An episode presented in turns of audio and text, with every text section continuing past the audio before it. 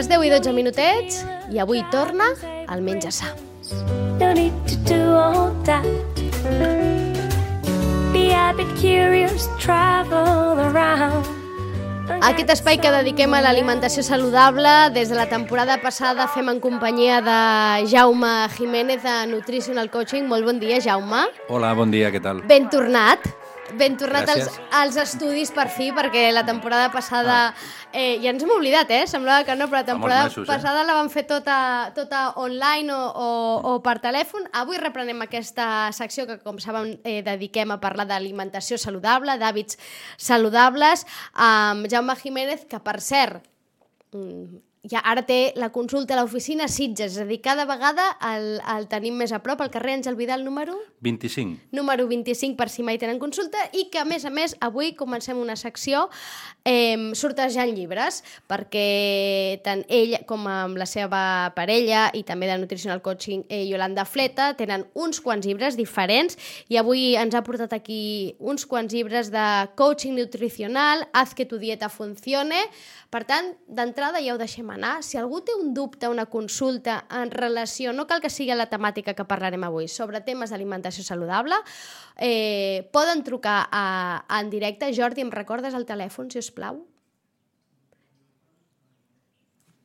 93 894 72 50 poden trucar eh, i mentre estiguem fent la secció en Jaume els podrà fer la consulta. Si no, traslladarem el sorteig al nostre compte d'Instagram i en allà els primers que facin consulta els hi donarem alguns dels llibres. En tenim cinc, per tant, els cinc primers, cinc llibres que s'emportaran d'en Jaume Jiménez i la Yolanda Fle Fle eh, Fleta, perdó, Coaching Nutricional, Haz que tu dieta funcione. Uns llibres que són molt fàcils de llegir i que són molt edu- educatius i molt didàctics. I avui comencem amb un tema, Jaume, hem entrat ja de ple, eh? perquè segur que han sentit a parlar del crossfit, del, del tema fit o del tema fitness, que ara d'alguna manera s'ha posat molt de moda, està com d'alguna manera increixent i molta gent està en, en la línia de eh, fer aquest tipus d'activitats físiques. Lligada a aquesta activitat física també hi ha d'anar, i va sempre per descomptat, l'alimentació. I avui el que li preguntem al Jaume és què hauríem de menjar o què hem de menjar per tenir un cos fit. I cos fit entenem per un cos definit, un cos, no? Més, eh, òbviament saludable, eh? però d'alguna manera que es noti que hi ha treball físic. Perquè entenc que l'alimentació s'ha de modificar, eh? no val només amb anar al gimnàs, Jaume.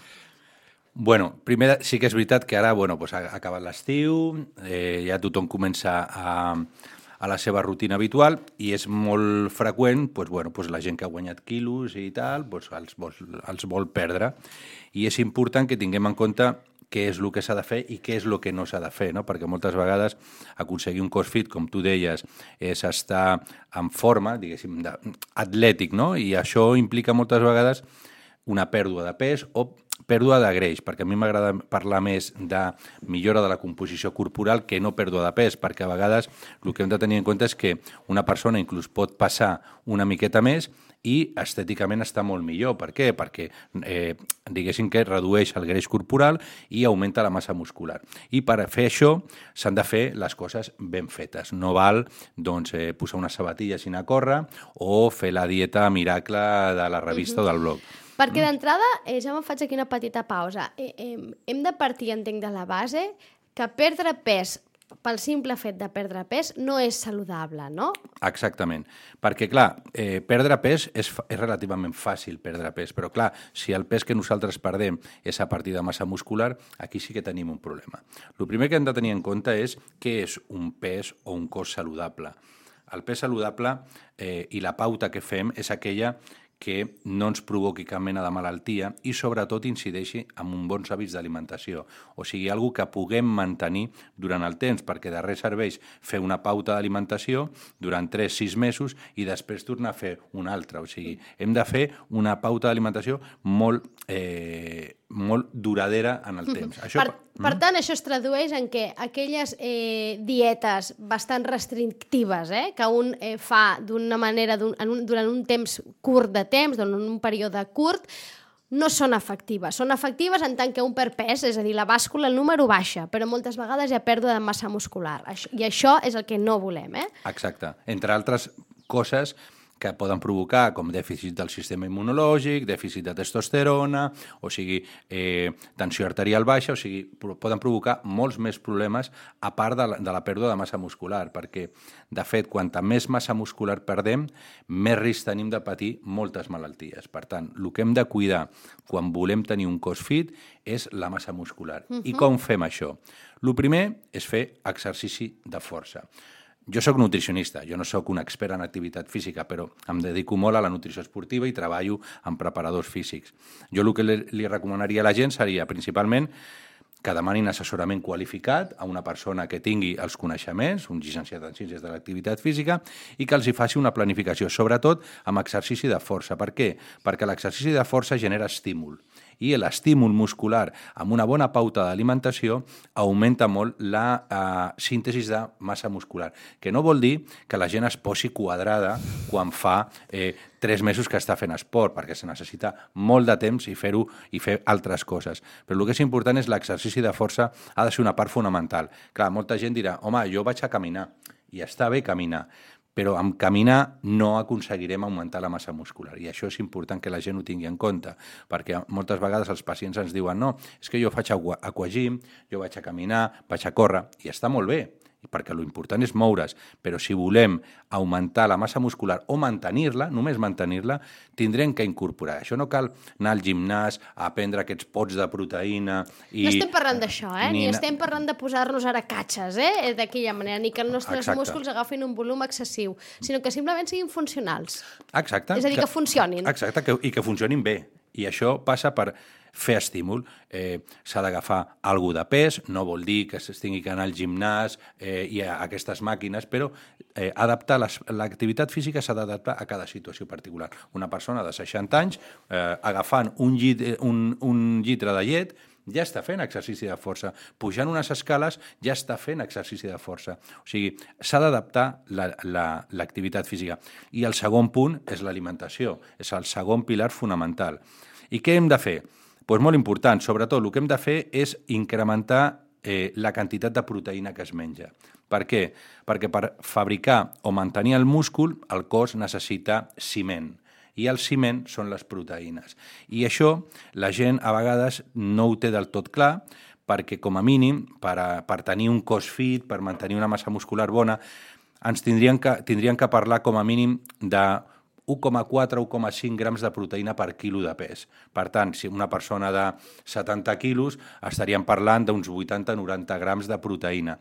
I això sí que és important, perquè si no mengem la quantitat de proteïna al dia, el problema és que el cos ho agafarà de la pròpia massa muscular. Si això afegim que estem fent una dieta baixa en calories, doncs el que estem perdent, és fàcil pensar-ho, és massa muscular. Per tant, la massa muscular costa molt d'augmentar-la i costa molt poc perdre-la. Uh mhm. -huh. Per tant, cuidado amb tota aquesta gent. Per, per exemple, la gent que passa dels 50 anys té el que es diu resistència anabòlica. Què vol dir? Que tenen més dificultat per fabricar massa muscular. Per tant, ho tenen que fer molt millor. Jo sempre dic una cosa i és, eh, amb 20 anys o 30 anys està quadrat, està fit, uh -huh. és molt fàcil, perquè el cos està preparat per créixer. Sí, però clar, quan una persona té 50 anys i està fit, aquest sí que, és, sí que està bé. Per què? Perquè costa molt eh, mantenir-se. I això és important. Després, una, una part de proteïna és fonamental, però sobretot l'hidrat de carboni també, perquè avui dia ens movem en una situació de carbofòbia, no? Sembla sí. que, que el carbohidrat és eh, l'enemic a batre. Clar, és l'enemic a batre si estem parlant d'hidrat de carboni en forma de sucre. Evidentment, quan menys sucre mengem, doncs millor. Hem d'agafar fonts de carbohidrat. Però el que s'ha vist i està demostrat és que si volem mantenir la nostra massa muscular, tenim que menjar carbohidrat. I si no mengem carbohidrat, no estarem fent-ho del tot bé. Uh -huh. Clar, hi ha molta gent que dirà, no, jo faig dieta keto. no? Dieta Que- keto, sí, sí. vale, molt bé, dieta Que keto. és aquesta dieta justament on es restringeix el carbohidrat, al, a, s'elimina. a, a la mínima expressió, no? I dius, serveix? Home, doncs eh, l'evidència científica diu que no és més eficaç, inclús pot generar molts més problemes de salut que una dieta que es faci una restricció moderada. Perquè això és el que volia comentar, no? Dius, eh, per perdre, per perdre greix tenim que generar un dèficit calòric, no? O sigui, hem de menjar o hem de gastar menys de lo que mengem. I ho podem fer per dos, per dos vies. O bé, reduïm la quantitat de calories que estem menjant, mengem menys, o per una altra banda, generem dèficit augmentant l'activitat física. Doncs pues bé, el que s'ha vist és que per eh, aconseguir una millora de la composició corporal estable en el temps, el millor és reduir una miqueta el que mengem, una miqueta només, i augmentar l'activitat física amb exercici de força. Amb aquesta combinació ho estarem fent de meravella. Si a sobre tenim una bona activitat física ben planificada i, molt important també, dormim bé, perquè això és un altre aspecte, que si volem tenir un cos I que acostuma a anar lligat, eh? Quan un menja bé i fa exercici, acostuma a dormir bé. Clar, perquè dius, escolta, no dorms bé, a l'exercici no t'està rendint igual, no menges igual. La gent que ens escolti ho, ho sabrà. Quan no dorms bé, menges pitjor el dia següent. Menges pitjor. Per tant, per tant, no es tracta de tancar la boca i deixar de menjar, uh -huh. no es tracta d'això, sinó d'alimentar-se amb aquells productes, eh, diguem, eh, idonis, saludables. En el cas aquí que ens, que ens ocupa avui, no? del tema de, de, de mantenir un cos fit, un cos eh, saludable, un cos fort amb uns músculs funcionals, augmentar la proteïna i mantenir, mantenir l'hidrat de carboni, eh? els hidrats de carboni, però no els provenents dels sucres, eh? ni dels ultraprocessats. Per tant, entenc que cereals, eh, com sempre dieu, integrals, no? és a dir, llegum, etc. La Clar, quinoa m'agrada molt, perquè la quinoa, a part de portar carbohidrat, també porta una quantitat de proteïna in- insignificativa. Aquest tipus de- de- d'aliments de, de més qualitat, no? Això és important, perquè si mengem bé, ens movem bé i descansem bé, tindrem molts números de tenir un cos bastant proporcionat. Uh -huh. I el que dèiem, eh? amb uns músculs funcionals que després evitaran lesions i evitaran, per descomptat, després altres malalties. Deies, augmentar proteïna. Clar, ara aquí jo no sé si hi haurà gent, algú que curtcircuita perquè diu, home, alimentar proteïna. I moltes vegades tenim tendència, quan ens diuen augmentar proteïna, de seguida pensem en carn. Exacte. I no, es és necessàriament això, no? No, no perquè també el que volia parlar, ja com a, a la conclusió ho parlarem, és l'equilibri entre proteïna animal i vegetal. Això és molt important també. Nosaltres podem trobar proteïna vegetal, eh, tenim la llegum, les llegums són una bona font, tenim els fruits secs, tenim els cereals integrals, tenim molts aliments, la quinoa, per exemple, que jo parlava, que aporten proteïna vegetal. Sí que és veritat que la proteïna vegetal, en principi, té eh, potser menor biodisponibilitat, però si al, al cap del dia mengem diferents aliments no tindrem cap problema, i incorporar ali- aliment animal també. Eh, els ous, un ou té aproximadament 7 grams de proteïna. Quants ous podem menjar a la setmana? Que això també hi ha una de fàbules i de... pues mira, a, si, tu, si una persona no té cap mena de problema de salut, podria menjar 4, 5 i 6 ous a la setmana. Clar, evidentment, depèn del que també mengi, no? Perquè, clar, si a sobre menges carn vermella, a sobre... Clar, potser el problema que tinguis no és de l'ou, és de tot el que estàs ficant, no? El sucre... Però, en principi, l'ou és un producte bastant segur, perquè el que es pensava de que, de que augmenta el colesterol, la llema de l'ou té fosfolípids. I això fa que gran part del colesterol que té a l'ou no s'absorbeixi. Per tant, l'ou és un producte segur. Si no volem, eh, si mengem molts ous i no volem prendre la gema, podem fer eh, un ou i una clara, per exemple. O sigui, avui O dia fer també truites podem... de clares, que les venen fins i podem tot, eh? comprar clara Mhm. pasteuritzada i és un producte molt ric eh, amb una proteïna molt bona, que és l'albúmina, aquesta la clara, i amb, amb l'ou podem aconseguir, la llet també és un producte que té una proteïna de qualitat, evidentment la carn, que siguin carns magres, sense greix, però trobar un equilibri entre proteïna animal i proteïna eh, vegetal. D'aquesta forma ho estarem fent molt bé i sobretot també eh, quan incorporem proteïna vegetal estem treballant eh, la millora de la nostra salut intestinal, que també és molt important per reduir riscos per la salut i també eh, per millorar l'absorció de nutrients, perquè molta gent, eh, no estic inflat, eh, m'inflo tal... Bueno, clar, hem de mirar tot. Però si volem estar fit, estar fit no només és tenir un cos musculat i, i, o un cos atlètic, és estar sa. I el que hem de fer per estar sa és bueno, el que estem parlant. Uh -huh. Parlarem segurament en algun programa específicament de salut intestinal i tal, Sí, perquè segur, això ens donarà temps. per molta cosa. Tindrem temps. Entenc que aleshores, eh, Jaume, que proteïna en cada àpat? Si, este, si tenim una activitat física bona, jo sóc partidari que sí. I si volem tenir un cos fit, el que es recomana és que fem diverses ingestes al dia que ens aportin aproximadament entre 15 i 20 grams de proteïna. Per exemple, fer un esmorzar que ens aporti 15-20 grams de proteïna, eh, un mig de matí, un dinar, una mitja tarda, un sopar. Si mengem poc, pues, potser la mig, al mig de matí o la mitja tarda no cal, no?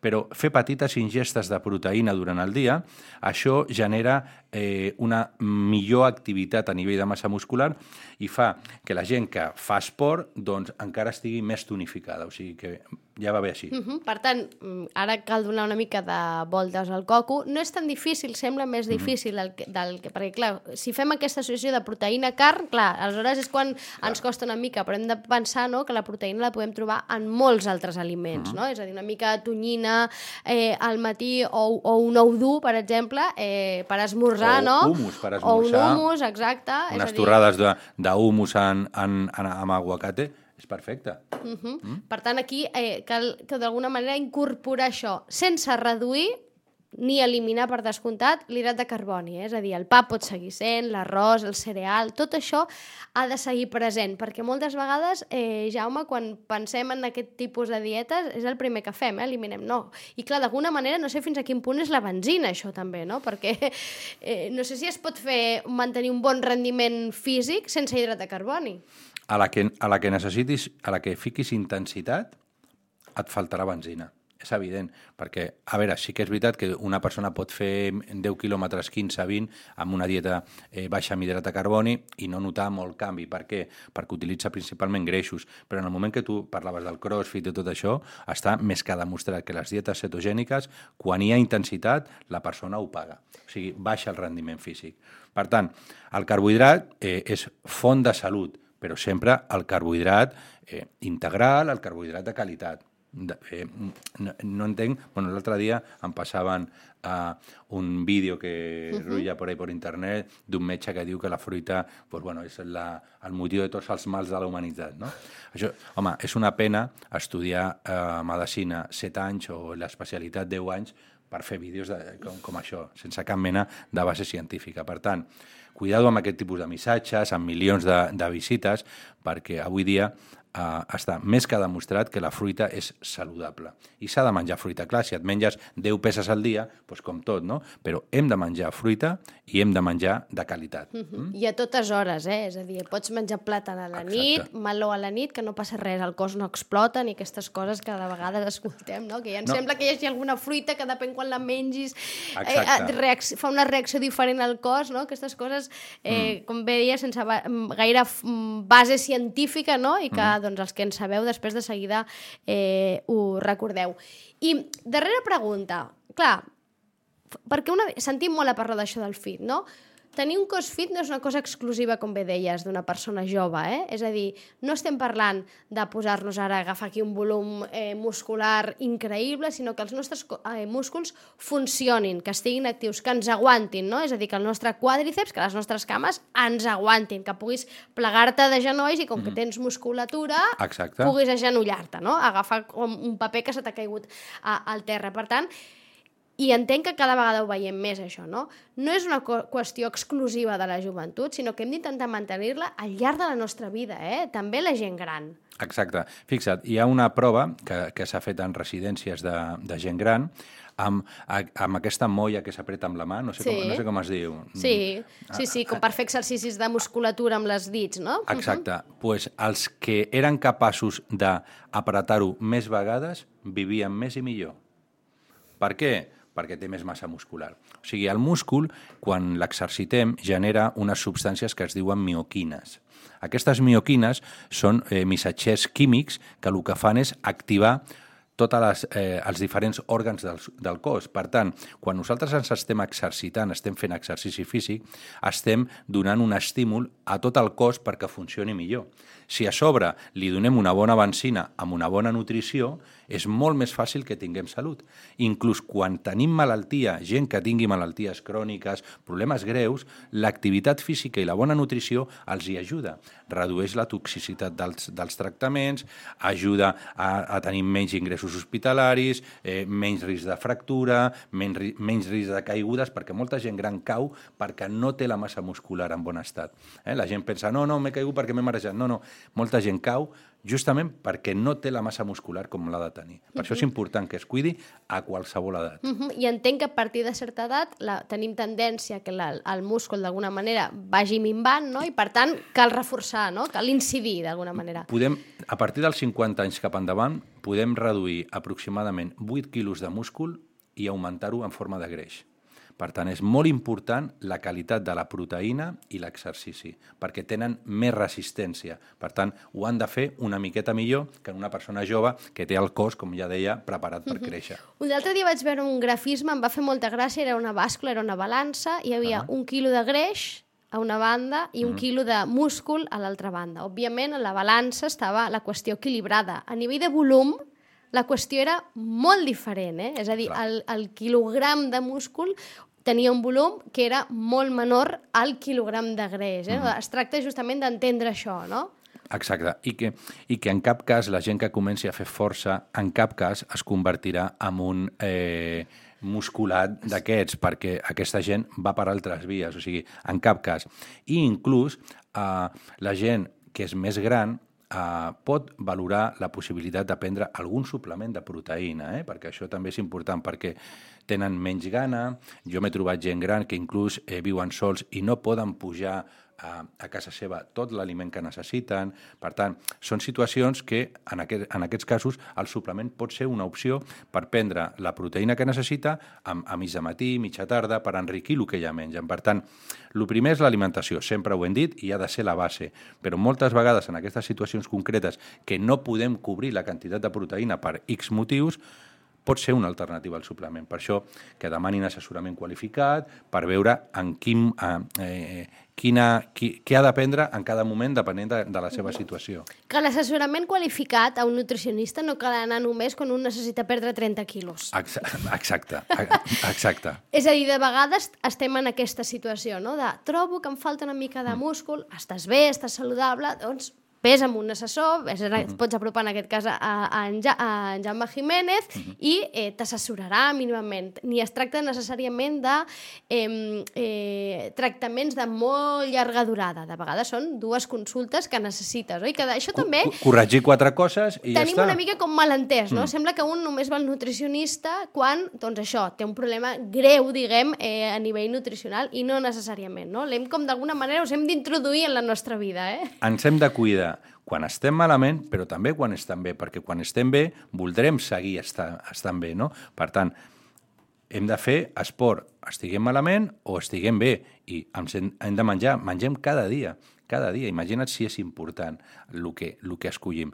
I moltes vegades doncs, bueno, la gent no li dona aquesta importància perquè es troben bé, i, i és perfecte, però hem de tenir en compte que mm, al pas del temps va marcant una mica una evolució. I això ho podem afavorir o ho podem, eh, re, o podem reduir els riscos.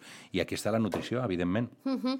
Doncs, per d'alguna manera acompanyar-vos en tot aquest procés, cada 15 dies en Jaume Jiménez tornarà aquí als estudis i anirem comentant i parlant d'hàbits d'alimentació saludable. No ha trucat ningú, per tant, el sorteig i els llibres el passarem a les xarxes, a Instagram. Exacte. Eh, I a les 5 primeres persones que facin alguna consulta doncs podran recollir el llibre a, als despatxos, a les oficines del Nutritional Coaching, que és carrer Àngel Vidal, torna'm a dir número. 25 baixos. 25 baixos, ja ho posarem tot a, uh -huh. a Instagram. Jaume, moltíssimes gràcies. A vosaltres, un plaer. Ens veiem en dues setmanes. Molt bé.